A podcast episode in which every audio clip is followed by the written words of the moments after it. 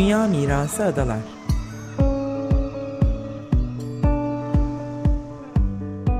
Hazırlayan ve sunanlar Derya Tolgay ve Nevin Sungur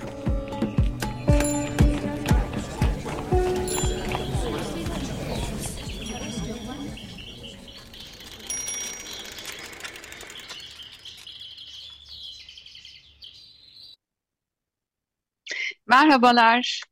Dünya Miras Adalar programı başladı. Ben Derya Tolgay. Ben Nevin Sungur. E, efendim, öncelikle destekçimiz Semra Muratoğlu'na teşekkür ediyoruz ve e, teknik masada da Andre Gritsu bize destek veriyor. Biz bir süredir devam e, ediyoruz bu adaların imar planları ile ilgili programlarımıza. Bugün de çok kıymetli bir konuğumuzla devam edeceğiz yine. E, açılan davalara, gerekçelerine değiniyoruz programlarımızda. Çünkü kaybedeceklerimizi ve telafisi mümkün olmayan durumları da gayet net görebiliyoruz değil mi Nevin'cim? Kesinlikle, kesinlikle. Yani hani arka arkaya bu programları yapıyoruz. Belki insanlar hani biraz böyle yani yeter artık diye deme noktasına geldi mi kimse bilmiyorum ama hakikaten çok e, hani sadece bizler için değil aslında hani İstanbul'da yaşayan herkes için e, önemli bir konu ve bu yüzden de sürekli takip etmeye çalışıyoruz. Ve senin de dediğin gibi bugün de yine çok önemli bir konuğumuz var bu mevzuyu konuşacak. Ben önce bir e, birkaç haber paylaşayım e, planladığımız gibi seninle ve sonra konuğumuzu takdim edelim. Şimdi güzel bir, bir haber.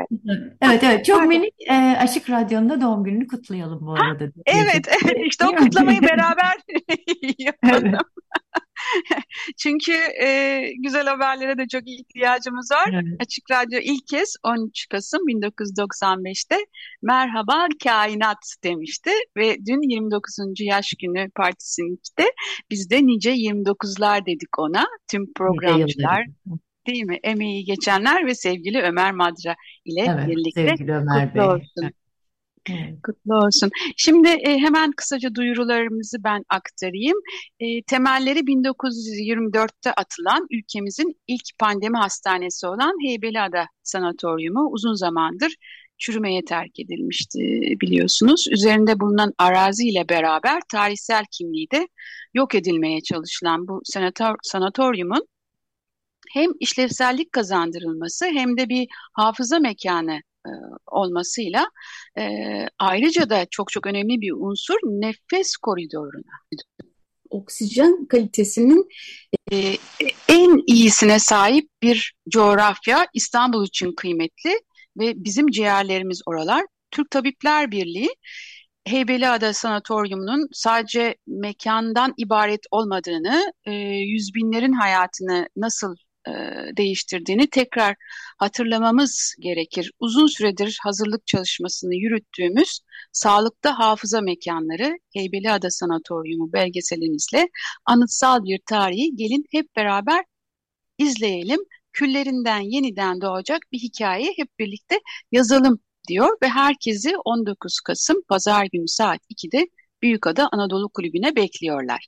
İkinci duyurumuz 19 Mayıs 2023 tarihinde Büyükada'da başlamak üzere e, onu takip eden haftalarında pazar günleri Heybeliada, Burgazada, Kınalıada ve Sedef Adası'nda 29 Eylül 2023 tarihinde yitirdiğimiz e, fotoğraf sanatçısı Ersin Alok adına Adalar Foto Belge Yürüyüşü düzenliyor. Adalar Sivil İnisiyatifi.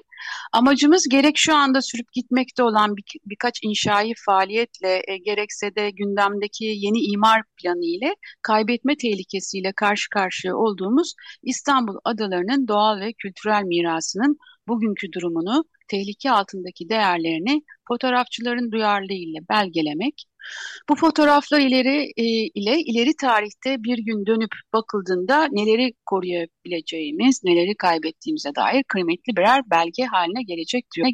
İRSAK, İstanbul Tabip Odası ve Mimarlar Odası İstanbul Büyükkent Şubesi tarafından da destekleniyor.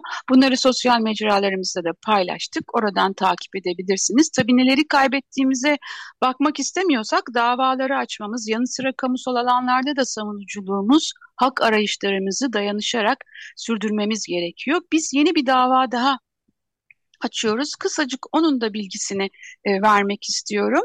E, 20 Ekim 2023'te sadece mülk sahiplerinin davacı olduğu bir dava açtık. Bu dava dayanışmayla, demokratik özgür tartışmayla katılım sağlanan ilk ortak davamız olarak tarihe geçti. Planlara itiraz eden herkesin davacı olacağı bu ikinci ortak davamıza da bize gönüllü avukatlarımız Onur Cingil ve Volkan Öztürk e, destek olacak. E, vekaletlerimizle e, iki gün içerisinde bu davayı da aç, aç, açıyor olacağız. Bunun bilgilerini de yine takip ederseniz, sizler de bu davaya e, dahil olmak isterseniz çok çok memnun oluruz. Tüm sivil toplum inisiyatiflerini, herkesin desteğini bekliyoruz diyorum ve ben sözümü sonlandırıyorum. Evet, bugün e, önemli bir konuğumuz var e, dedik ve e, Esin Hanım e, Mimarlar Odası, TİMOB Mimarlar Odası İstanbul Büyükkent Şubesi e, Başkanı diyorum. E, kendisi konuğumuz ve e, TİMOB'un yani e, Mimarlar Odası'nın açtığı davayla ilgili gelişmeleri ve o süreci konuşmak üzere Esin Hanım bugün konuğumuz. E, hoş geldiniz Esin Hanım. Merhaba, hoş, hoş geldiniz. Hoş geldiniz. Ee, şimdi şu nok yani ilk sorumuz şey olsun yani ne hangi aşamadasınız? Yani siz davayı e, açtınız ve süreç nasıl ilerliyor? E, biraz hani ona dair ilk bilgileri alalım sizden. Sonra e, devam edelim sorularımızla isterseniz. Tabii ki. E, imar planları biliyorsunuz e, Temmuz ayının sonunda askıya çıkmıştı ve e, Ağustos sonu itibariyle de askıdan indi 30 gün askı süresi. E, bundan sonraki 30 gün içerisinde yani toplamda 60 gün içerisinde biz davamızı açtık. E, dava hem planın iptal edilmesi ama öncelikle yürütmesinin durdurulmasıyla birlikte plan iptal davasını açtık. Henüz planla ilgili e, bir gelişme yok dava yönünden. E, bunu söyleyebiliriz. İşte biraz hukuk yönünden açtığımız davalarda çok hızlı bir ilerleme olmuyor ne yazık ki. Özellikle yürütmeyi durdurma taleple açtığımız yani neredeyse bütün davalarımızı böyle açıyoruz. Bu davalarda yürütmeyi durdurma kararı verilmiyor ve esastan görüşülmeye başlanıyor. E, bir, bir kişi süreci olacaktır e, büyük olasılıkla bu dosyada da. E, bir kişi raporundan sonra da esastan bir değerlendirme yapılacağını düşünüyoruz. Yani tahminimiz bu yönde. E, şimdilik bunu söyleyebilirim. E, davayla ilgili yani konuşuruz sizin sorularınızda da açılır tabii ama hani en temelde e, özellikle tabii e, bu Marmara içerisindeki e, kıyı kenar çizgisinden itibaren e, bu özel çevre koruma alanı ilan edilmesi süreci e, ve burada bütün yetkinin bu alanlar içerisindeki bütün yetkinin doğrudan doğruya Çevre Şehircilik Bakanlığı'na iklim değişikliği oldu artık bakanlığına geçmesi e, süreci. E, sizlerin de aslında içinde de yer aldığınız daha önce Büyükşehir Belediyesi ve ilçe belediyesi tarafından hazırlanan strateji belgeleri ve imar planı attıkları bu süreçten sonra bunların onay için Çevre Şehircilik Bakanlığı'na gitmesi sürecinde alanın ÖÇK alanı ilan edilmesi ve tüm yetkilerin e, bakanlığın eline geçmesi ardından da işte giden planlarla ilgili bakanlığın yaptığı revizyonlar ki en temel revizyon aslında imar planlarında kıyı ile ilgili e, bütün düzenlemelerin plandan çıkarılmış olması ve hani en temelde de bir koruma amaçlı imar planı yapma ilkelerine aykırı olarak bizim de e, planı görür görmez hani kıyı yani hiçbir bağlantısı olmayan üstelik de adalar gibi bir yerde imar planı yapılan e, ana karayla bağlantısını sağlayan temel kıyıların imar planı kapsamı dışında olması nedeniyle zaten ilk planlara baktığımızda hani bunda hukuksuz bir düzenleme olduğunu ifade etmiştik e, dava açmadan önce de. E, dolayısıyla hani bizim hareketimiz zaten e, buradan oldu. Çünkü e, yani bir de tabii önümüzde örnekler var. Ne yazık ki aynı yönetim anlayışının e, yasada da yaptığı e, bir imar planı ve yaptığı uygulamalar nedeniyle e, oradaki yoğun yapı, işte tescillerin kaldırılması, ve bir özelleştirme projesi gibi yapılması bu kötü örneklerde aslında bu adalarda yapılabilecek uygulamaları da örnek teşkil edebilecek kaygısıyla planı da çok da detaylı inceledik. Ee, yani şimdilik bunları söyleyeyim. Hani esaslarına geçerim tabii ki madde madde. Hani hangi konular üzerinde durduğumuzu da söyleyelim. Yani aslında nereden baksanız, e, nereden e, şey yapsanız elinizde kalan bir e, süreç yaşanıyor bir taraftan da. Yani hani hedefi çok belli olan, e, tamamen bir rant kapısı yaratılmak üzere. Yani dediğiniz gibi kıyıları dahil etmeden adalar için nasıl bir e, koruma amaçlı uygulama imar planı yapabilirsiniz? Bir de tabii burada en sıkıntılı meselelerden bir tanesi de e, yürütmenin durdurulması meselesi. Yani bu bu e, herhangi bir şekilde bunu durduramıyorsunuz. Yani şey gir, e, yürürlüğe girdikten itibaren e, isteyen istediğini yapmaya başlayabiliyor, değil mi? Böyle de bir süreç yaşanıyor şu anda aslında siz. E, e, yani şöyle söyleyeyim. Sonra bir ek soru e, ilave edebilir miyim örnek üzerinden? Mesela bu 350 tane tescillenmemiş modern mimarlık mirası vardı. O soruyu onu da ekleyerek devam edebilir misiniz? Bunlar yıkıma başlanabilir değil mi?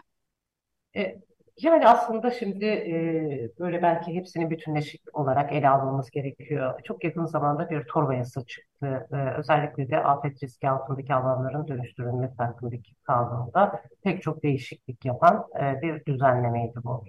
E, yani bütün bu süreci, yeni imar faaliyetlerini, riskli yapıyı, dönüşümleri aslında bu yasal düzenleme çerçevesinde ele almamızda e, sağlıklı bir yaklaşım olacaktır. E, biliyorsunuz 16 Ekim'de bir e, Cumhurbaşkanı kararıyla Kentsel Dönüşüm Başkanlığı kuruldu Çevre Şehircilik e, Bakanlığı bünyesinde. Bu yeni başkanlığın yetki alanlarının içerisinde 5366 sayılı bu yıpranan tarihi dokulardaki dönüşümleri e, düzenleyen e, yasa 6306 sayıda afet riski altındaki alanların dönüştürülmesi hakkındaki yasa ve e, Belediye Kanunu 73. maddesi kapsamındaki kentsel dönüşüm, kentsel yenileme alanları ile ilgili düzenlemelerle ilgili yetki doğrudan Kentsel Dönüşüm Başkanlığı'na verildi. Kentsel Dönüşüm Başkanlığı dediğimiz yapı e, Çevre Şehircilik Bakanlığı'nın bünyesinde bir yapı. Şimdi bütün bunlara baktığımız zaman aslında çok hızlı İstanbul'da çok hızlı bir e, kentsel dönüşüm, yenileme e, ve riskli alan dönüşümleri yani yapı stoğu üzerinde çok hızlı bir dönüşümün olacağı belli. E, dolayısıyla yapılan imar planlarını e, mevcut yasal düzenlemelerle ilişkisini kurmadan da aslında sağlıklı olarak analiz edemiyoruz. Şimdi e, adaların imar planlarında şimdi az önce bahsettiğiniz modern mimarlık mirasları var e, koruma kurulu tarafından tescil kararı alınmış olmasına rağmen imar planında bu tescillerin işlenmemiş olduğunu görüyoruz.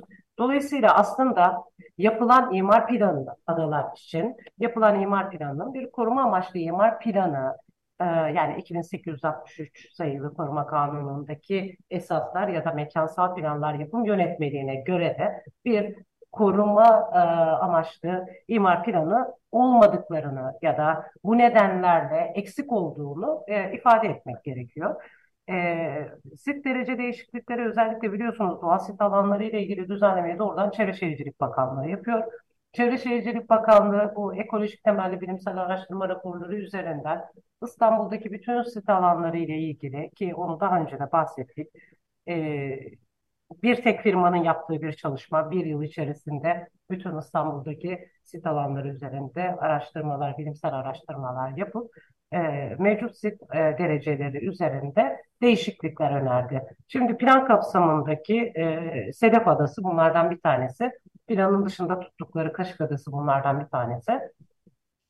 Bunların imar planlarında özellikle kesin korunacak hassas alan, nitelikli doğal koruma alanı ve sürdürülebilir koruma ve kontrollü kullanım alanı dediğimiz, eskiden 1, 2, 3. derece sit alanları dediğimiz yeni isimleriyle e, az önce bahsettiğim alanlarda çeşitli düzenlemeler yapıldı. Yapılan düzenlemeler de aslında koruma ilkelerine göre e, koruma kurallarını geriye düşüren, yani birinci dereceyi ikiye düşüren, üçe düşüren uygulamalar. Kaşık Adası'nda bizim ve İstanbul Büyükşehir Belediyesi'nin açtığı davalar vardı ve oradaki sit derece değişiklikleri iptal edildi. İptal edildi ve şu anda Marmara Denizi içerisindeki adaların yani imar planlarının içerisinde Kaşık Adası yok. Sedef Adası ile ilgili açtığımız davalar devam ederken ikinci bir kez bu sefer e, sit derece değişikliğinde e, bir değişiklik yaptılar. Ama bunlarla ilgili e, henüz mahkeme kararları kesinleşmeden bir imar planı düzenlemesi sanki onlar yürürlükteymiş gibi e, devam ettirildi. Bu da son derece aslında sakıncalı bir durum. E, bunu da ifade etmek isterim. Yine daha önce biliyorsunuz adalarda e, 2011 yılında en son e, 5000 ölçekli bir e, imar planı yapılmıştı ve e, idare mahkemesine açtığımız davada e, bu imar planları iptal edildi ve arkasından bir e, geçiş dönemi yapılaşma koşulları gündeme getirildi. Bu geçiş dönemi yapılaşma koşullarında da aslında hani neredeyse bir imar planı varmış gibi davranılıp yani parsellerin işte e, bölünmesi, birleştirilmesi de ve yeni yapı yapılması da dahil olmak üzere aslında uygulamaların devam ettiğini ve devam eden bu uygulamaların da adada gerçekten e, özellikle dönüşüm projeleri için söyleyeceğim hızlı bir şekilde modern mimarlık mirasının yok edildiğini, parsellerde birleştirmeler ve ayrıştırmalar yapıldığı için büyük kitlelerin ortaya çıktığını e, gördük e, aslında geçiş dönemi yapılaşma koşullarıyla da. Diğer taraftan e, dava açıldığı zaman yani biz daha önce e, 2011 yılındaki e, 5000 ölçekli imar planını, Nazım imar planını açtığımız dava nedeniyle bu iptal edilince e, Mimarlar Odası'nda şey eleştirisi geldi tabii. E, siz imar planlarını iptal ettirdiğiniz için e, burada iş dönemi yapılaşma koşullarıyla bir uygulama yapılıyor. E, ve şimdi de aslında ÖÇK alanı ilan edildikten sonra da bize işte e, kurum amaçlı imar planlarını iptal ettirdiğimiz şimdi ölçek alanı ilan edildiği şeklinde eleştiriler geldi. En son e, askıya çıkan e, bu 2023 7. ayda askıya çıkan imar planı ile ilgili dava açtığımızı ifade ettiğimizde ve basın duyurusuyla paylaştığımızda yine aynı eleştiriler geldi bizlere. Hani bununla ilgili de bir şey e, söylemek isterim. E, bu imar planları hani böyle mimarlar odası her şeye dava açmak gibi böyle bir hani keyfi tutumu yok elbette ama bilimsel hani çok az önce de bahsettim hem 2860 sayılı koruma kanunu hem mekansal planlar yapım yönetmeliğinde çok açık olarak koruma amaçlı imar planlarının nasıl yapılacağı ifade edilmiş. Burada aslında bu ilkelerin bile karşılanmadığını yani e, dört tarafı suyla çevrilmiş olan yani hani en temel kavram e, adalarda ana karayla arasındaki bağlantının nasıl olacağını, yani aslında e, adaya bile yanaşamadığımız kıyıların tümden e, imar planının kapsamı dışarısına çıkarıldığı bir durumda e, ve doğrudan doğruya bir turizm potansiyeli üzerinden yani bir yerleşim alanından daha çok bir turizm potansiyeli üzerinden adaların e, imara açıldığını ve yapılaşmanın artırıldığını e, ve burada aslında hızlı bir e, sirkülasyonun olacağını, insan sirkülasyonunun olacağını, dolayısıyla bu turizmi nasıl kontrol edebileceğini, bunlarla ilgili herhangi bir planlama yapılmadığını, hatta bu planlamaların imar planından sonraki sürece e, bırakıldığını görüyoruz. Aslında bu belirsizlikler nedeniyle de biz hani dava gerekçelerimizde de bunlar var. E, bunlar nedeniyle biz e, davamızı açtık. E, kaygılarımız elbette az önce de söylediğim gibi bir yassı orta e, durumuyla karşı karşıya kalmamak. E, adalar e, gerçekten hani İstanbul için de son derece önemli. Adadaki yerleşik hayat açısından bu son derece önemli. E, nispeten bir sayfiye alanı. E, dolayısıyla e, biz günübirlik turizm potansiyelinin bile orada e, çok ciddi sıkıntılar e, oluşturduğunu, burada bir e, turizmle ilgili bir rehber, bir kullanım e, programı ortaya çıkarılmadığı zaman bunun oradaki e, getirdiği yoğunlukla nasıl e, olumsuz durumlar yarattığını zaten biliyoruz. E şimdi bütün bunların hiçbirini yapmadan e, yeniden bir imar planını e, düzenlemekte aslında hani ziyaretçi planının bile olmadığı bir düzenlemenin olması da son derece sakıncalı. E, yani e, kıyı kanunu, kıyı kanunu uygulama yönetmeliği üzerinden şekillenmesi gereken kıyılarda ne yapacağını bile bilmediğimiz, e, adanın iskeleleriyle ilgili çünkü bunlar daha önce de konuşuldu. Bütün iskelelerin birleştirilip işte tek bir iskele üzerinde özellikle Büyükada'da e, bir alanın yaratılması. Ama bunların hiçbirini göremiyoruz imar planında çünkü bunlar planlanmadı. Dolayısıyla bu nedenlerle biz e, davamızı açtık. E, ve tabii Yani çok önemli sıkıntılı alanlar da var. Özellikle e, özel çevre koruma alanı ilan edilen yerlerle ilgili çevre kanununda biliyorsunuz e, bir madde var ve bu alanlarda e, tüm atık e, ve su arıtma tesislerinin hem büyükşehir, il ve ilçe belediyeleri tarafından 3 sene içerisinde ileri arıtma atık suyu tesislerine dönüştürülmesi şeklinde bir e, yasal düzenleme de var. E peki biz burada planlarda bunu görebiliyor muyuz? Çünkü planlar dediğimiz 20-30 yıl hani en kısa vade dediğimiz bu aralıklarda bir projeksiyon sunuyor. E bunların hiçbirine dair bir e, çalışma yapılmamış bu imar planlarında. Dolayısıyla aslında e, yani ulaşımının nasıl olacağı adanın hem kendi içerisindeki ulaşımı hem adaya ulaşımının nasıl olacağı yönünde ilkesel bir kararlar yok. Ulaşım planları aslında Nazmi imar planlarının, koruma amaçlı imar planlarının, uygulama imar planlarının esasını oluşturması gerekirken burada bir ulaşım planı yoksunluğundan bahsediyoruz. Ee, yani az önce bahsettiğim gibi ulaşımla bağlantılı olarak ziyaretçi yönetim belgesi hani yapılacaktır şeklinde bir plan notu var ama bu belgenin e, ne zaman yapılacak dolayısıyla bunun imar planı ile örtüşüp örtüşmediği üzerinde de yine bir açık nokta var. E, dolayısıyla aslında ilkesel olarak az önce de bahsettiğim gibi hem e, koruma ilkeleri açısından yani 2860 sayılı koruma yasası açısından hem de mekansal planlar yapım yönetmeliği açısından e, tam olarak fonksiyonlarını yerine getiren planlar değil zaten yani aslında sakat doğmuş planlardan bahsediyoruz. Ee, Sinan bir şey sorabilir miyim Tabii size? ki. Çok özür dilerim. Ee, yani şimdi daha doğrusu birbirine bağlantılı iki soru olacak da bir tanesi şimdi e, bu e, yürütmenin durdurulması meselesiyle ilgili. Yani bu süreç devam ederken e, yani hukuksal sürecin e, özellikle hani daha yavaş işletilmesi gibi bir şeyden endişe ediyor musunuz? Çünkü bu süreç devam edecek ve hani e, e, uygulamalara e, başlamış ve bitirmiş de olabilirler. Yani siz e, bu hukuksal sürecin devamını beklerken. Bir ikinci sorumda şimdi farklı açılan e, davalar var farklı mahkemelerde. Buradan e, yani sonuç çıktığı zaman farklı kararlar çıkabileceğini düşünüyor musunuz? Yoksa tek bir e, yani evet ya da hayır gibi net bir soruyla mı e, yapar cevapla mı e, sonuçlanacak bu hukuki süreçler? Ee, yani birincisinden başlayayım. Ee, İkiz davasını hatırlatarak başlamak istiyorum. Ee, yani bir Anayasa Mahkemesi'nin kararını tanımayan Yargıtay kararı. Dolayısıyla hani burada e, bir e, siyasi durum var mıdır yok mudur sorusunun yanıtı bence çok açık. E, o sadece Yargıtay ve Anayasa Mahkemesi arasında değil.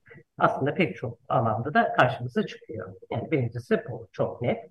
Farklı mahkemeler hı hı. farklı kararlar alırsa ne olur? Önden giden ve karar verilen e, mahkemenin kararı e, diğerini etkiler. E, hı hı. Yani bir tanesi mahkemede, idare mahkemesi sonuçlanırsa işte Danıştay'da diyelim ki netleşti artık. Alınan karar e, olumlu ya da olumsuz diğer açılan diğer açılan davayı aynı konuyla ilgili açılan davada daha önce karar verildiği için işte sizin açtığınız davada karara gerek yoktur şeklinde sonuçlanabilir. Bir örneğini vereyim. Büyükada'daki heliport. Heliportla ilgili hmm, biz dava evet. açtık.